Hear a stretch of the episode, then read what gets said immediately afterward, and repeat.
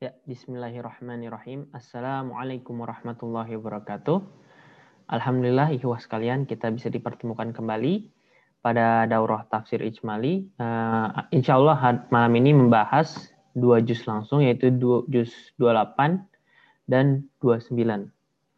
Um, juga Alhamdulillah Ustadz Nur Fajir Ramadan sudah hadir di sekitar kita, uh, sehingga bisa membimbing kita.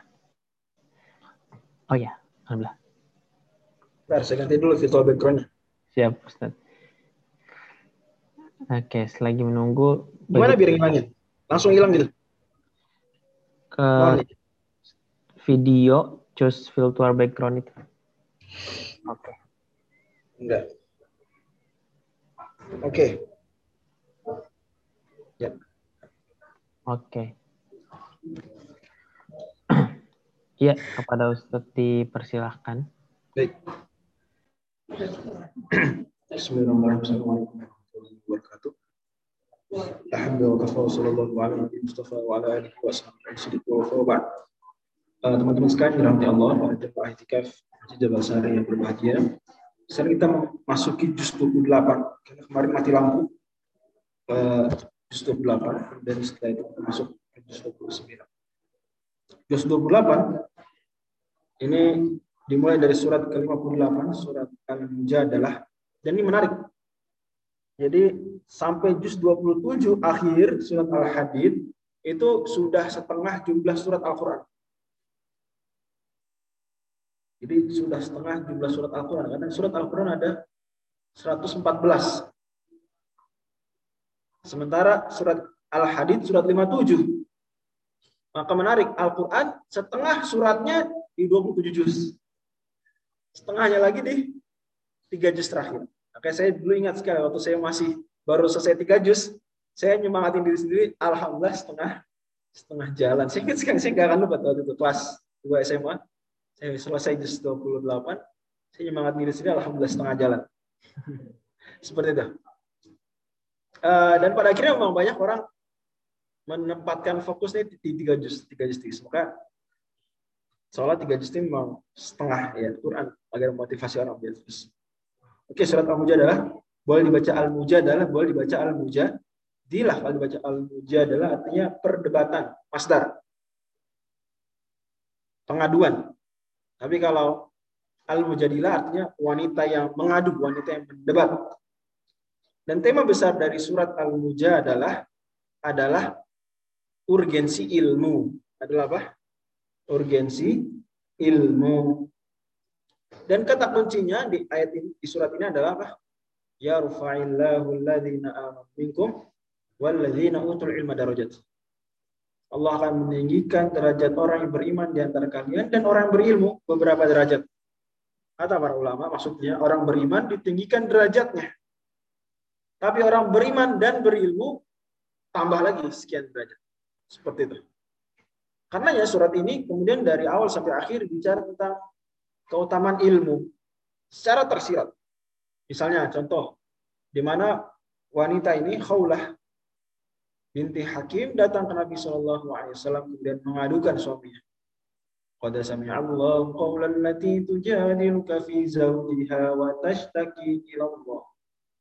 Allah Subhanahu wa taala itu kasih isyarat. Allah mengetahui, mengilmui Wallahu yasma'u tahawurakum. Pun sebelumnya qad sami'a. Tahu. Maka kata Aisyah radhiyallahu anha ketika mendengar atau ayat ini turun kata Aisyah radhiyallahu anha Subhanaman wasi'a sam'uhu kulla syai'in. Maksudnya Allah pendengarannya nyampe segala sesuatu. Artinya segala sesuatu al-masmu'at. Karena kata Aisyah, saya dekat Nabi. Ini dua, ini perempuan mengajak ngomong, saya temani Nabi biar gak kholwat cerita gitu kan ya temenin Nabi, tapi sih nggak dengar. Ini ngomong apa? Gitu. Tapi Allah Subhanahu wa taala mendengar.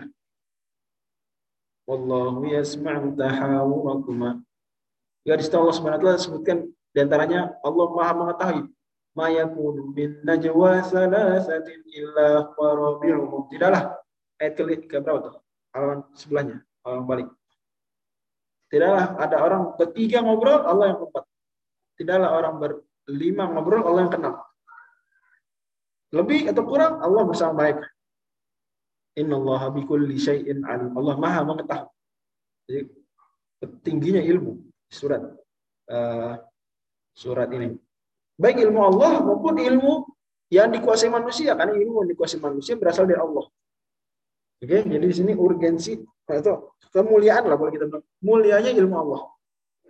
Mulianya ilmu atau mulia ilmu, baik ilmu Allah maupun ilmu Allah yang Allah berikan kepada hamba. Dan di akhir uh, akhir surat Allah Subhanahu wa taala sebutkan makanya ilmu akan membawa seorang pada kuatnya keimanan, tidak goyah dalam hal loyalitas.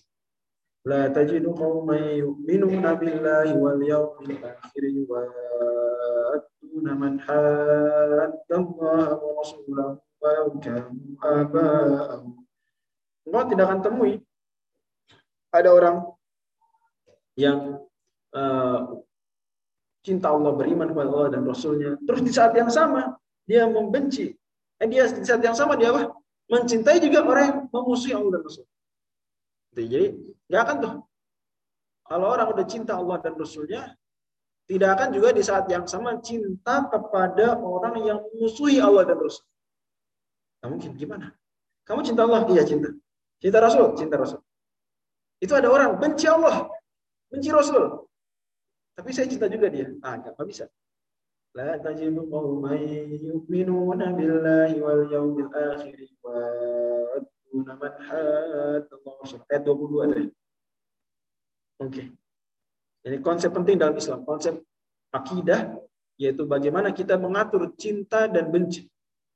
Mengatur loyalitas. Dan ini konsep Al-Qur'an ayatnya.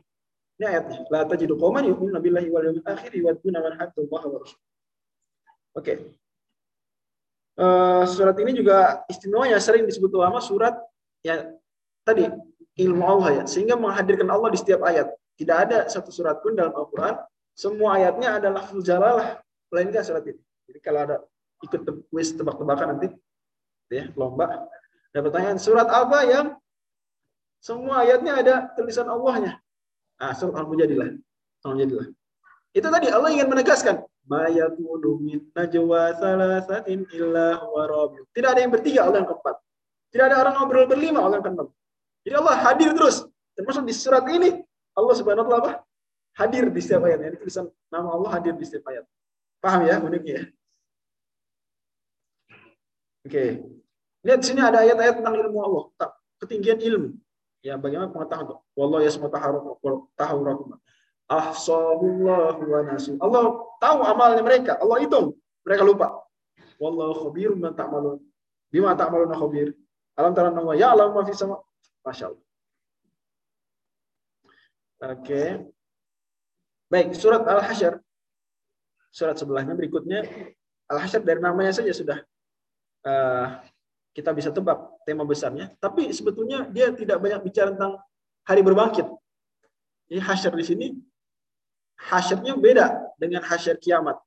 Ya, ya betul dia akan ada isyarat ke sana. Toh juga dia surat uh, surat surat mufassal. Tapi dia surat mufassal madaniyah. Oh ya, saya lupa kasih kaidah. Surat juz 28 pendapat yang benar semua suratnya madaniyah. Juz 28 semua suratnya apa? Madaniyah. Ada khilaf tapi yang rojih madaniyah. Ya, ada yang khilaf seperti asof gitu ya, khilaf. Sementara surat surat Dus 29 semua suratnya Makkiyah. Itu menarik ya. Catat baik-baik tuh. Semua surat Juz 28 Madaniyah, semua surat Juz 29 Makkiyah. Ada khilaf di beberapa, beberapa surat, tapi yang rajihnya seperti itu. Bagaimana dinyatakan dalam Manzumah Zamzamiyah? Demikian ada. Imam Az-Zamzami sebutkan. Oke. Jadi saya bilang tadi bahwa Al-Hasyr di sini itu tidak terlalu ke arah al-hasyr di hari akhir akhirat yakni ilahi itu syarun kepadanya kalian akan dikembalikan enggak enggak terlalu karena yaumul hasyr dimaksud di surat ini adalah hari pengumpulan dan pengusiran Bani Nadir. Bani apa? Nadir. Penting diingat bahwa Nabi SAW adalah sosok paling toleran sepanjang sejarah. Paling toleran sepanjang sejarah. Nggak ada lagi yang lebih toleran dari dia. Di antara bentuk toleransi beliau, tatkala beliau sudah menjadi pimpinan Madinah, beliau membuat konstitusi tertulis. Dan ini pertama kali tercatat dalam sejarah. Ini konstitusi tertulis pertama kali sepanjang sejarah umat manusia konstitusi negara. Di mana piagam Madinah istilahnya apa? Piagam Madinah. Diriwayatkan piagam Madinah. Misalnya dalam Sirah Ibn Hisham diriwayatkan teksnya. Di di situ Nabi SAW begitu memberikan hak kepada Yahudi pada non Muslim di Madinah dapat hak tidak dizolimi. Dan itu nggak ada sebelumnya nggak ada ya. Orang Barat, orang Islam semua sadar tahu. Nggak ada sebelumnya agama dijadikan ideologi sebuah negara, terus ada yang beragama lain dibiarin. Nggak ada, nggak ada, mesti dia ditindak. Tapi dalam Islam nggak, dipersilahkan, silahkan. Itu pertama dalam sejarah umat manusia, dipersilahkan. Nah ada tiga bani besar Yahudi yaitu bani apa yang pertama bani Qainuqa, kedua bani apa Nadir, tiga bani Quraidah. Apa ini? Apalagi hari ini hari-hari Aqsa lagi diserang. Biar kita kebayang sejarahnya. Semoga Allah jaga dan lindungi semua kita. Nah, Alhamdulillah kita di sini juga berusaha setiap kunut doakan mereka. Oke, jadi teman-teman juga doain yang di rumah, teman yang di mana pun berada juga doain, jangan lupa. Intinya Yahudi, oh sekarang jahat sama Islam, dulu enggak. Dulu mereka kalau mau Rasul siksa bisa tuh Rasul. Gampang. Rasul jadi bos Madinah, gampang tangkap siksa. Bisa, tapi enggak. Nabi persilakan. Bikin hak. Tapi yuk sama-sama bela bela Madinah ya kalau diserang. Perjanjian gitu. Enggak boleh berkhianat kepada kaum muslimin, bla bla dan seterusnya. Ada tertulis. Kalau berkhianat, ah berarti ada konsekuensinya. Siapa yang konsekuensi dan itu udah aturan umum. Aturan di mana pun kalau perjanjian ada pengkhianatan ya ada konsekuensinya. Standar itu. Oke. Okay? Ternyata Bani Qainuqa di tahun ketiga berkhianat. Maka Bani Qainuqa siap menanggung konsekuensinya yaitu di tidak diperkenankan tinggal di Madinah lagi. Pergi ke utara ke Khaybar. Tahun keempat ini kejadiannya. Jadi surat apa ini surat uh, Al-Hasyr itu turun di tahun keempat Hijriyah. Bani Nadir ternyata merencanakan pembunuhan terhadap Rasulullah SAW. Bahkan udah ada yang ngangkat oh, benda gede mau ditibanin ke Nabi di bawah. Tapi Allah ngasih tahu Nabi sehingga Nabi bergeser pergi duluan sebelum dilempar. Uh, jahat sekali. Nabi baik sama dia. Empat tahun namanya. Tahun keempat Nabi mau dibunuh. Astagfirullah. Ya, kemudian ketahuan dan mereka dikepung dan bikin perjanjian yang artinya mereka pada akhirnya tidak diperkenankan tinggal di Madinah lagi, suruh pergi dan mereka nanti ke Khaybar. Nah, makanya itu itu yang dimaksud hari, hari al hasyr Hari hasyr di situ maksudnya hari Bani Nadir dikumpulin kemudian dipersilakan pergi. Bayangin tuh, kalau mau dibantai aja Anda ya, gitu ya. Itu fair. Itu? Fair. Secara aturan politik militer itu fair kayak gitu. Tapi Nabi SAW baik, silakan. Malah boleh bawa harta yang bisa dibawa oleh otak silakan bawa harta yang bisa dibawa oleh otak. Gitu. Bawa mereka, pergi. Nah, makanya tema besar surat ini adalah pemuliaan mukminin dan penghinaan terhadap orang-orang yang tidak beriman. Ya. Dan Allah SWT memuliakan orang-orang beriman dan merendahkan orang-orang tidak beriman dalam hal. Oke. Okay. Allah Subhanahu wa taala menyebutkan di sini juga orang-orang munafikin di surat Al-Hasyr. Orang-orang munafikin dia memphpin Bani Nadir. Alam tara ila alladziina nafaqu yaquluna li ikhwanihim alladziina kafaru min ahli al-kitab. Tidak kamu lihat orang-orang yang munafik nafaku yaquluna li ikhwanihim berkata kepada ikhwan-ikhwan mereka, saudara-saudara mereka. Bayangkan. Munafik saudara sama siapa? Sama Yahudi. Nasallahu alaihi Mudah-mudahan kita tidak dipersaudarakan secara agama oleh eh, dengan mereka. Alladzina ahli kitab. Apa kata mereka? La ukhrijatum lanakhrujan kalau kalian diusir nih sama Nabi, enggak sama Nabi, sama Muhammad, kita akan ikut sama kalian. Asik. Kalau diusir, kita ikut pergi keluar. Wala nuti'u fikum ahadan abadan wa in qutiltum lanansuranna. Kalau kalian diperangin, dikepung, kita akan tolong. Kata Allah, wallahu yashhadu innahum lakadzibun. Allah bersaksi, mereka bohong. Bohong untuk Nabi. Mereka cuma mau PHP-in kamu saja wahai orang-orang Yahudi. Kata Allah, la in la yakhrujuna ma'ahu. Kalau Yahudi diusir, enggak akan ya orang-orang munafik ikut pergi. Buktinya Bani Nadir udah diusir, tetap aja mereka nggak ikut. Mana nih? Ah, dasar munafik. Kata Yahudi gitu. Wala in kutilu la yansurunahum. Kalau diperangin, nggak ditolong. Buktinya Nabi mengepung benteng Bani Nadir, ya dikepung. Gitu kan melanggar perjanjian. Dikepung dulu. Mana munafik yang bantuin? Uh, sebentar. Kata Allah, tahsabuhum jami'an wa qulubuhum syatta ayat 14. Kamu kira mereka bersatu padahal hati mereka berpecah belah. Oke, jadi di sini Allah SWT sudah menyebutkan bagaimana saking mulianya orang beriman, mulianya Al-Qur'an sampai gunung saja kalau diturunkan Al-Qur'an padanya akan bergetar, akan runtuh. Bagaimana Allah SWT juga sebutkan kemuliaan Allah Subhanahu wa taala dengan menyebut nama-namanya yang pada akhirnya orang yang beriman pada yang mulia akan mendapatkan kemuliaan. Dan orang yang ingkar memusuhi Allah yang maha mulia, kita akan mendapatkan sebaliknya. Allah Makanya juga di surat ini ada penekanan la yastawi ashabun nari ashabul jannah. Enggak sama lah.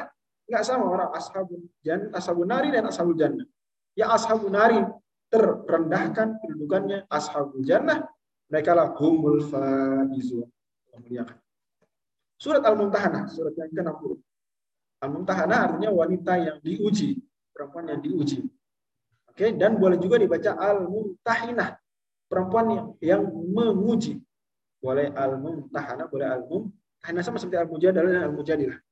Dan masya Allah di Al-Quran banyak nama surat dengan dengan perempuan ya.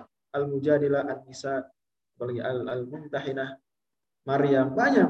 Dan itu terobosan juga di saat yang sama karena peradaban Arab itu sangat-sangat merendahkan Al-Quran enggak disuruh ada nama-nama surat Eh tapi tetap saja di zaman modern ada orang-orang yang tidak paham Islam kemudian menuduh Al-Quran itu bias gender, menuduh Al-Quran itu diskriminatif terhadap perempuan, menuduh Al-Quran itu misoginis.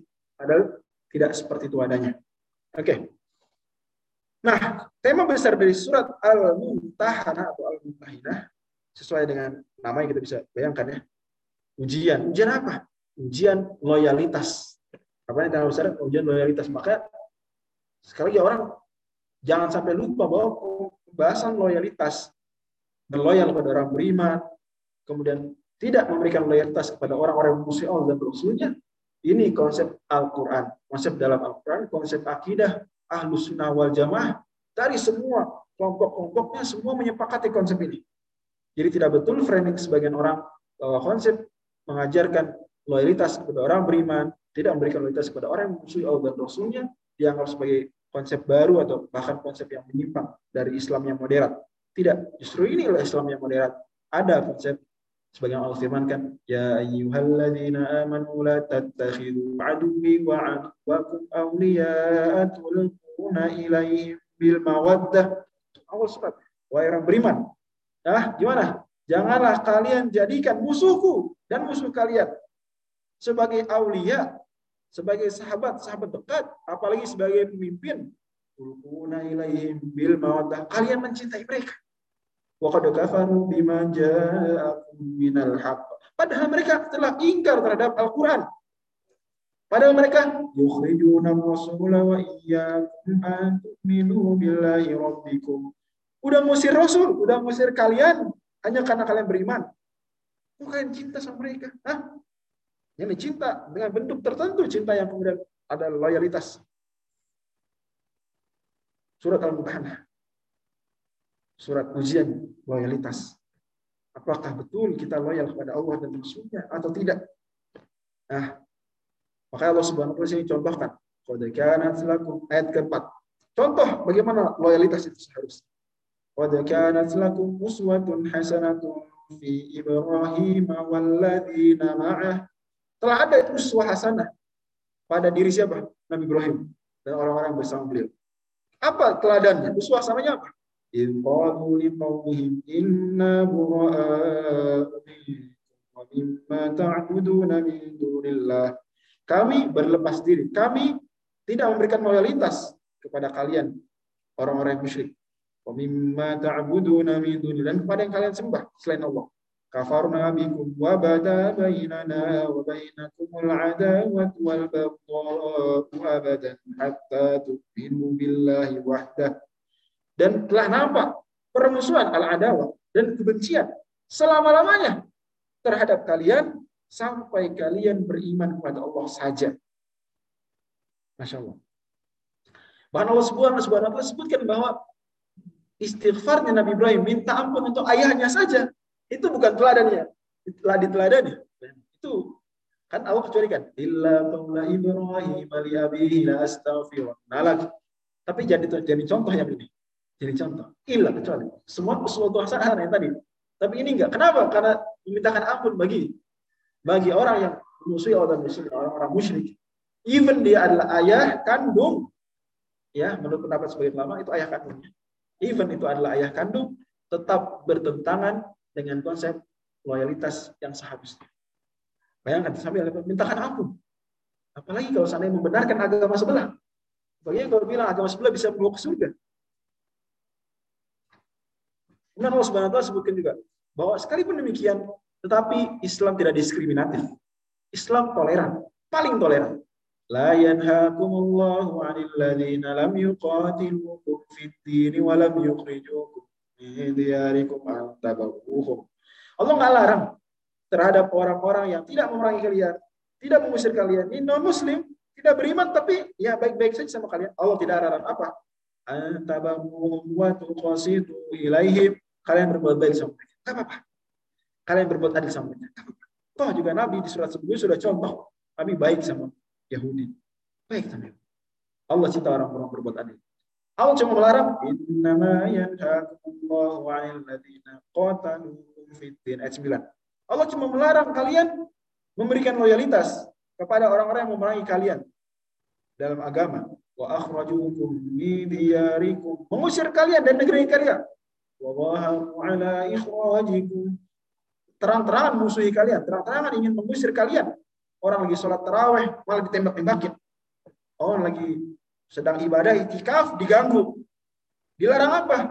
Antawallahum. Kalian memberikan loyalitas. Kalian mana pro mereka nggak boleh. Nggak boleh. Pro terhadap Israel nggak boleh berarti. Clear. Nggak boleh. Pro terhadap Israel. Mencintai Israel. Nggak boleh. Kalau perlu putus hubungan diplomatik. Alhamdulillah Indonesia istiqomah. Meskipun ada sebagian negara yang mungkin sudah goyah. Kata Allah, wa fa. Barang siapa berikan loyalitas pada mereka, maka berarti orang-orang zalim. Tentu kita tidak saya tidak sedang mengatakan bahwa membuka hubungan diplomatis sama dengan memberikan loyalitas. Tidak selalu, tidak selalu. Mungkin ada pertimbangan-pertimbangan lain, tapi setidaknya di antara bentuk menunjukkan tidak loyal adalah dengan memutus hubungan diplomatik. Dan seterusnya surat Al-Mumtahanah. Bahkan di akhir surat Allah bilang, Ya ayyuhalladzina amanu la tatawallaw qauman ghadiballahu alaihim. Wahai orang beriman, jangan kalian memberikan loyalitas kepada kaum yang Allah sudah murka atas mereka. Qad ya'isu minal akhirati kana ya'isal kufaru min ashabil qubur. Surat As-Saff, surat yang ke-61 selanjutnya. Surat As-Saff artinya barisan karena Allah sini akan sini Allah mencintai orang-orang yang ber, apa, membela agama Allah dengan berbaris rapi seperti bangunan yang kokoh. Maka sudah terbayang bahwa tema besar surat ini adalah membela agama. Adalah apa? Membela agama. Membela agama. Di surat ini Allah Subhanahu wa taala bilang, Ya ayyuhalladzina amanu kunu ansarallahi kama qala Isa bin Maryam. Akhir surat ayat 14. Wahai orang-orang beriman, Jadilah kalian apa? Ansar. Jadilah ansar. Pembela-pembela Allah. Penolong-penolong Allah. Jadi sekali lagi tidak betul pernyataan bahwa Allah tidak perlu dibela. Tidak. Justru kita perlu menjadi pembela-pembela penolong-penolong Allah. Kita menjadi ansar. Kunu ansarallahi kama qala Isa bin Maryam anil hawariyin ansari ilallah. Bahkan Allah sebelumnya juga sudah janjikan. Ya ayyuhalladzina amanu hal adullukum ala tijaratin turjikum min adzabin alim. Enggak? Perniagaan yang tidak ada ruginya. Enggak, bisnis yang enggak ada per ruginya. Selalu untung. Apa tuh? Wa rasulihi wa tujahiduna fi sabilillahi bi amwalikum wa anfusikum. Dzalikum khairun lakum Kalian beriman kepada Allah dan Rasul. Kalian berjihad kepada Allah Subhanahu Masya Allah. Surah As-Saff. Surat menegaskan tentang bagaimana membela agama Allah SWT. Di situ ada banyak strategi-strategi membela agama Allah harus rapi, jangan terpecah belah. Gimana membela agama Allah? Tapi terpecah belah juga di situ harus konsisten dan komitmen dan seterusnya dan seterusnya. Surat Al-Jumu'ah, surat yang ke-62. Tema besarnya adalah menjaga syiar agama. Menjaga syiar agama. Terbayang surat Al-Jumu'ah bicara tentang soal Jumat. Soal Jumat salah satu syiar agama terbesar pekanan bah salah satu yang terbesar salah satu bukan yang terbesar tapi salah satu yang terbesar dan hanya surat al jumuah saja Allah subhanahu wa taala membahas surat sholat jumuah nggak ada lagi cari. Nggak ada lagi cuma di sini saja. Allah subhanahu wa taala tentang surat jumuah. Dan Allah Subhanahu wa taala firmankan ya ayyuhalladzina amanu idza nudiya lis-salati min yaumil jumu'ati fas'au ila dzikrillahi wa Allah sebutkan di sini bahwa hari eh, apa hari Jumat kalau sudah azan, maksudnya azan yang mau azan khatib sudah mimbar, azan kedua kalau azan dua kali atau azan yang sekali, azan saja, maka tinggalkan jual beli. Dan di surat ini Allah juga mengecam Yahudi. Masalul ladzina humilu Taurata tsumma lam yahmiluha kamatsalil himari yahmilu asfara ayat berapa? Ayat ke-5 kali ya. Ayat ke-5 betul. Allah mengkritisi Yahudi yang memiliki banyak ilmu tetapi tidak diamalkan tahu kebenaran tapi mengabaikannya, memanipulasinya bahkan. Maka Allah taala mengkritisi mereka. Menariknya, Allah taala seperti bikin ini perbandingan. Yahudi itu hari ibadahnya nggak boleh kerja. Hari ibadahnya Yahudi apa? Hari spesial ibadah pekanannya. Hari Sabtu, hari Sabat. Sabat. Ya, hari Sabtu. Itu kan nggak boleh kerja mereka, nggak boleh nyari nafkah Malah ada kasus-kasus dia itu di surat Al-A'raf disebutkan ashabus sabat. Surat Al-Baqarah juga disinggung. Kisah lengkapnya di ashabus sabat surat Al-A'raf. Ada pun orang Islam enggak? Orang Islam justru hari ibadah pekanannya hari Jumat justru kerja. Jadi termasuk saya termasuk orang yang kurang setuju kalau dikatakan minas sunnah termasuk sunnah liburin Jumat itu saya nggak setuju kalau dianggap itu sunnah. Kalau dianggap itu kebijakan biasa normal ya strategi lain cerita. Tapi kalau dianggap adalah suatu yang ajaran Islam libur hari Jumat justru bisa jadi malah kurang tepat karena di Al-Qur'an Allah juga bilang idza nudiya lis-salati min yaumil jumu'ati fas'au ila dzikrillahi wa dzarul. Tinggalin jual beli kalau aja. Berarti dari pagi ngapain? Berarti dari pagi ngapain? Tidur. Istirahat kan libur. Enggak, ternyata kerja. Ternyata kerja. Hanya hari Jumat hari kerja. Gitu. Jadi beda dengan hari Yahudi hari Sabtunya justru hari libur nggak boleh kerja, Mungkin agama lain juga ada yang begitu di hari lainnya. Orang Islam nggak Jumat kerja. Makanya nggak apa-apa, aman-aman aja. Kalau Jumat hari Jumat kerja nggak apa-apa. Itu tetap tidak bertentangan dengan Quran. Bahkan justru mungkin senafas dengan Quran. Malah saya rasakan sendiri di tempat yang hari Jumat libur malah orang akhirnya apa suka bablas. Gitu ya. Atau sedang atau sedang pelesiran sedang jalan-jalan gitu. Ya itu lain cerita. Intinya pokoknya libur hari Jumat itu tidak kita katakan sesuatu yang diperintahkan Islam. Bahkan Al-Quran justru sebaliknya. Seperti yang syaratkan bahwa Jumat Anda silakan kerja. Wadarul tinggal tinggalkan jual beli itu kerja. Abi sholat, fa'idha kuniyatis sholatu fantashiru fil ardi wa banamu fadlillah. Selesai sholat ngapain? Silakan kerja lagi. Uh, berarti lanjut kerja. Persis berarti dong sama orang-orang di Jakarta. Persis sama orang-orang di Indonesia. Sholat Jumat, azan Jumat, pergi ke masjid. Selesai sholat Jumat, kerja lagi. Persis. Masya Allah. Lanjut. Surah Al-Munafiqun. Nah, ini kebayang sih, memang alur-alurnya alur-alurnya begitu ya. Jadi surat Al-Mujadilah, Allah Maha mengetahui. Allah selalu hadir. Allah Subhanahu wa taala mengawasi, mendengar, tidak pernah absen. Kemudian di surat 59 Allah Subhanahu wa taala Allah akan mengagungkan, memuliakan orang beriman, akan merendahkan orang-orang yang tidak beriman. Karena itu Allah melarang kalian untuk memberikan loyalitas kepada orang yang tidak beriman. Sebaliknya surat Al-Mutahanah. Berikan loyalitas kepada orang orang beriman. Karena itulah kalian harus membela agama Allah dan harus juga menampakkan syiar-syiar surat As-Saff surat Dan janganlah seperti orang di surat 3. Siapa itu? Al-munafikin. Justru sebaliknya mereka. Munafikun mengaku Islam, tapi memberikan loyalitas kepada musuh-musuh Allah. Mengaku Islam, tapi justru malah suka nyinyir terhadap orang-orang beriman. Gimana? Orang beriman dinyinyirin, orang yang tidak beriman justru apa? Justru dimuliakan sama mereka.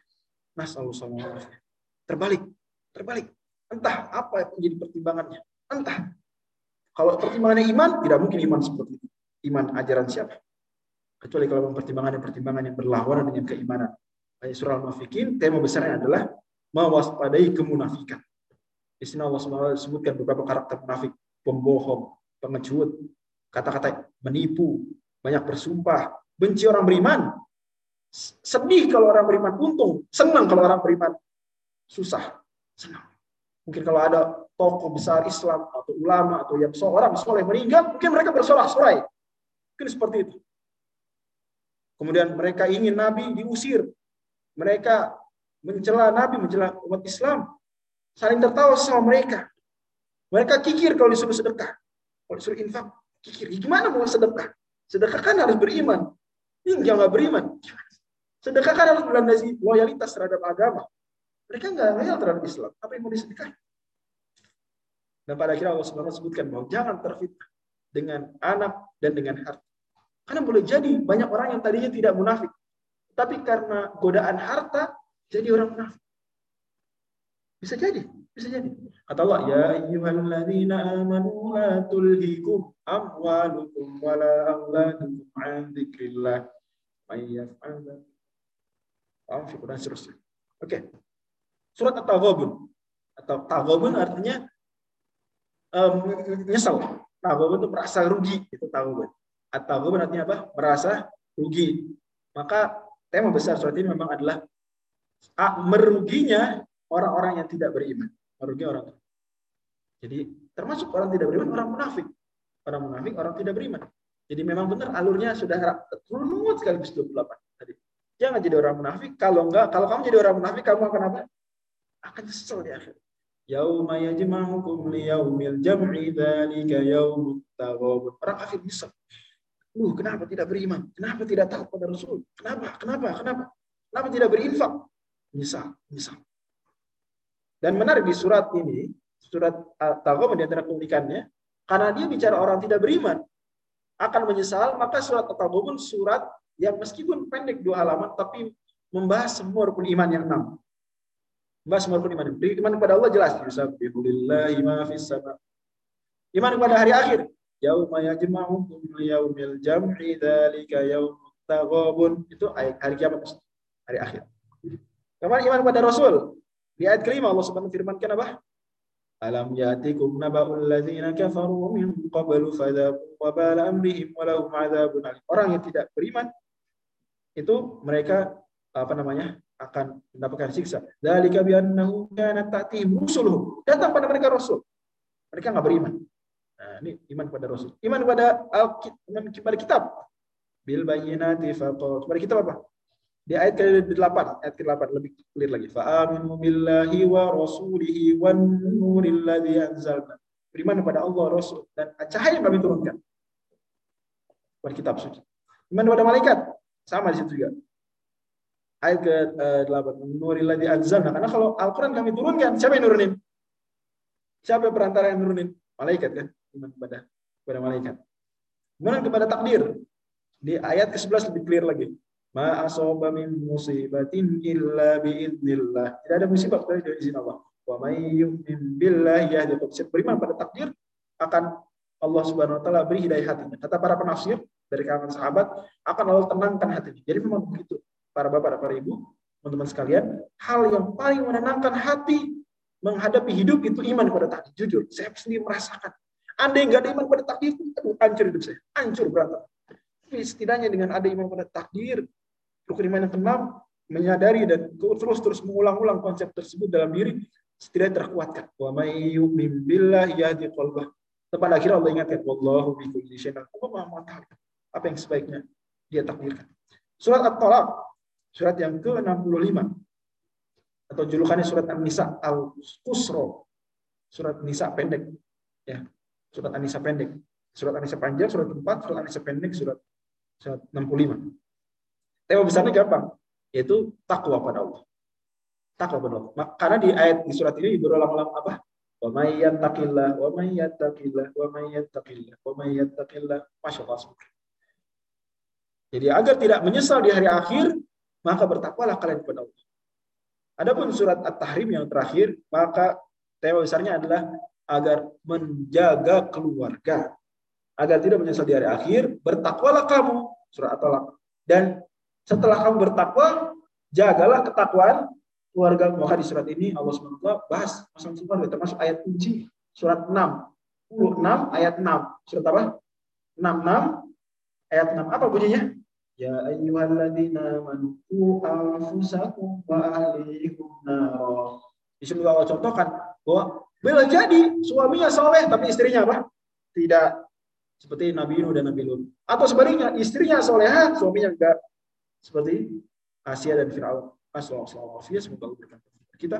Kalau break dulu bentar, ganti jus. Silakan Bang Kemam.